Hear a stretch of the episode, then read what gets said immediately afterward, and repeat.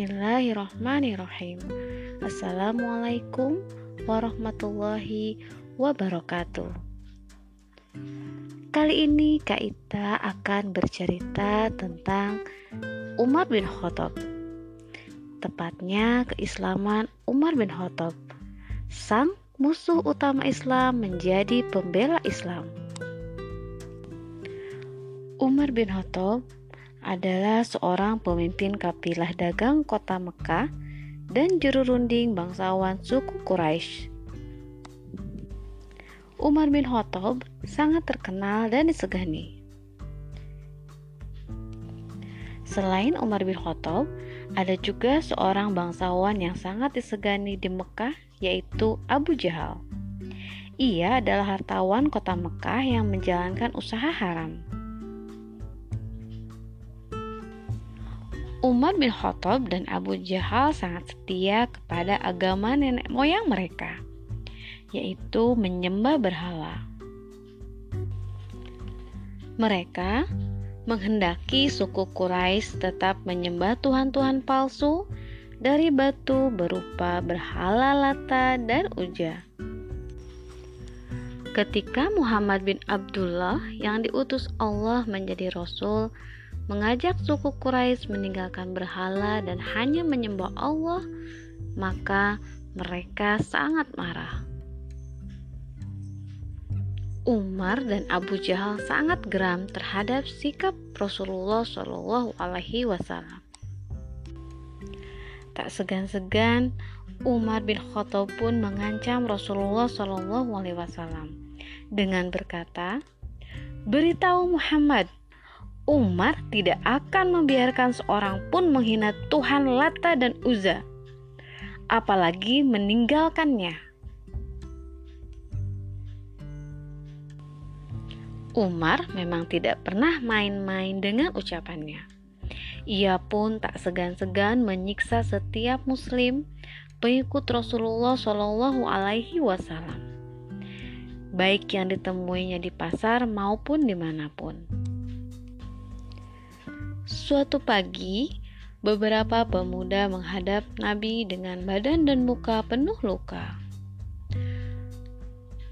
Rasulullah Shallallahu Alaihi Wasallam pun bertanya, "Mengapa muka kalian begini?"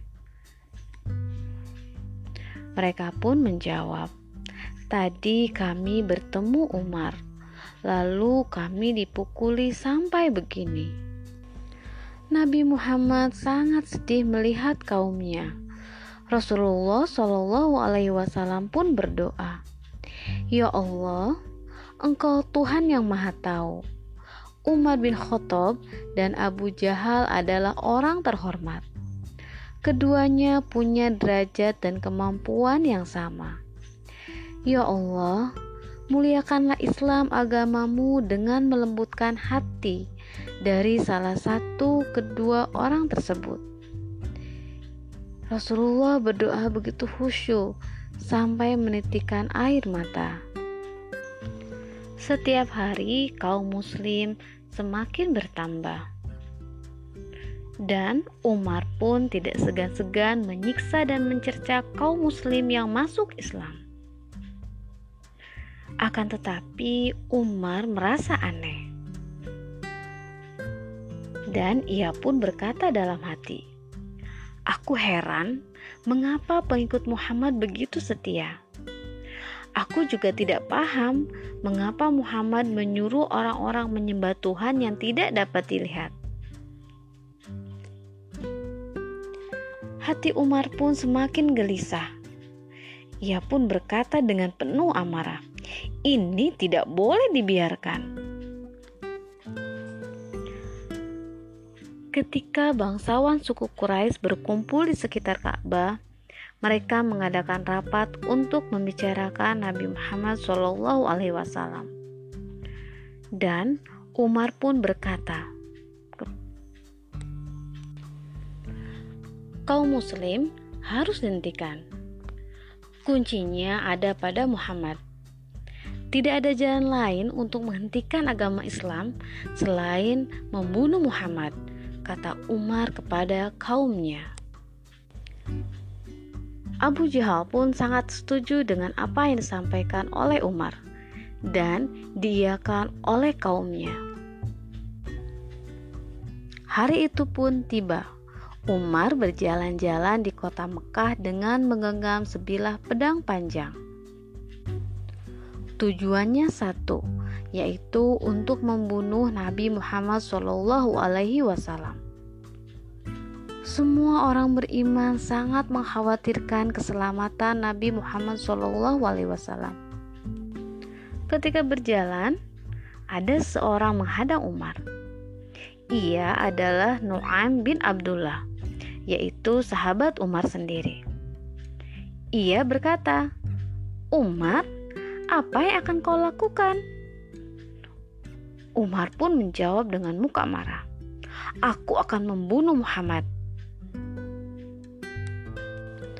Nuaim pun tertawa dan berkata kepada Umar, "Mengapa kau urusi Muhammad? Urus saja keluargamu." Umar pun balik bertanya, Maksudmu? Nuaim berkata, Masa kau tidak tahu? Suasana hening sejenak. Fatimah, adikmu, telah memeluk agama Islam. Ia dan suaminya mengikuti agama Muhammad. Muka Umar mendadak merah padam. Sebagai penentang Muhammad, ia malu sekali. Ternyata anggota keluarganya menjadi pengikut musuhnya. Ia pun dengan marah dan muka merah berjalan menuju rumah Fatimah. Sesampai di depan rumah Fatimah, sayup-sayup terdengar suara lantunan ayat-ayat suci Al-Quran yang begitu asing di telinga Umar. Lalu Umar pun berteriak, Hei, siapa di dalam? teriak Umar. Suara itu tiba-tiba berhenti. Ternyata Fatimah dan suaminya, Said bin Zaid, sedang belajar Al-Quran. Hei, buka pintu, ayo buka. Umar semakin marah.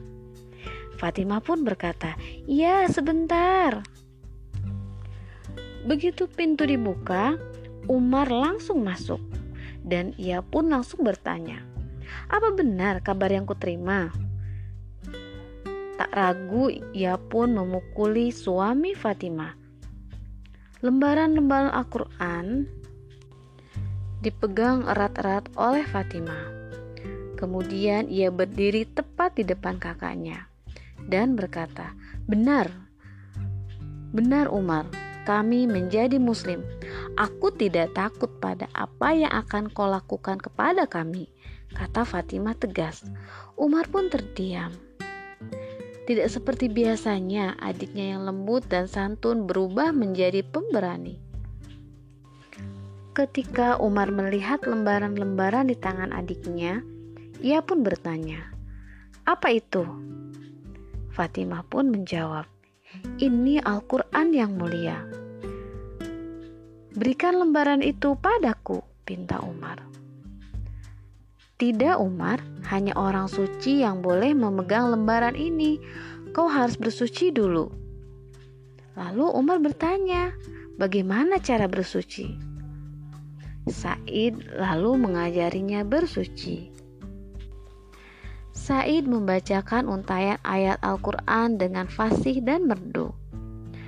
Bahasa Al-Quran yang indah dan berisi seruan kebaikan menumbuhkan kepercayaan dalam benak Umar akan kenabian Nabi Muhammad.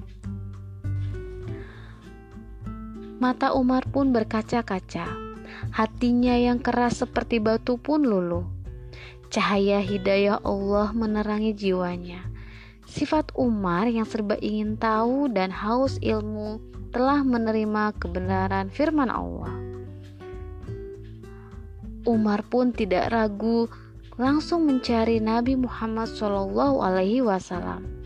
Kali ini tentu saja bukan untuk membunuhnya, melainkan untuk mengikuti agama Rasulullah Shallallahu Alaihi Wasallam. Allah Maha Tahu Allah juga Maha Penyayang. Allah memberikan hidayah kepada hamba yang mulia, yaitu Umar bin Khattab. Sungguh kuasa Allah mengagumkan. Orang yang selama ini menjadi musuh utama agama Islam berbalik menjadi pembela agama Islam. Keislaman Umar tentu saja menambah gentar kaum kafir Mekah. Kelak, Umar bin Khattab menjadi salah seorang Amir al-Mukminin, yaitu pemimpin kaum beriman. Demikian cerita tentang Umar bin Khattab. Dari kisah tersebut, kita dapat mengambil hikmahnya. Ketika ada seseorang yang membenci kita, sebaiknya kita tidak balas membencinya. Alangkah lebih baiknya ketika ada yang membenci kita, kita doakan kebaikan untuk mereka, seperti yang Rasulullah Shallallahu Alaihi Wasallam lakukan. Dengan izin Allah, ketika seseorang itu membenci kita, maka dengan mudah Allah akan membalikan hatinya menjadi menyayangi dan mencintai kita. Demikian kisah kali ini. Semoga menjadi pembelajaran buat kita semuanya. Terima kasih. Wassalamualaikum warahmatullahi wabarakatuh.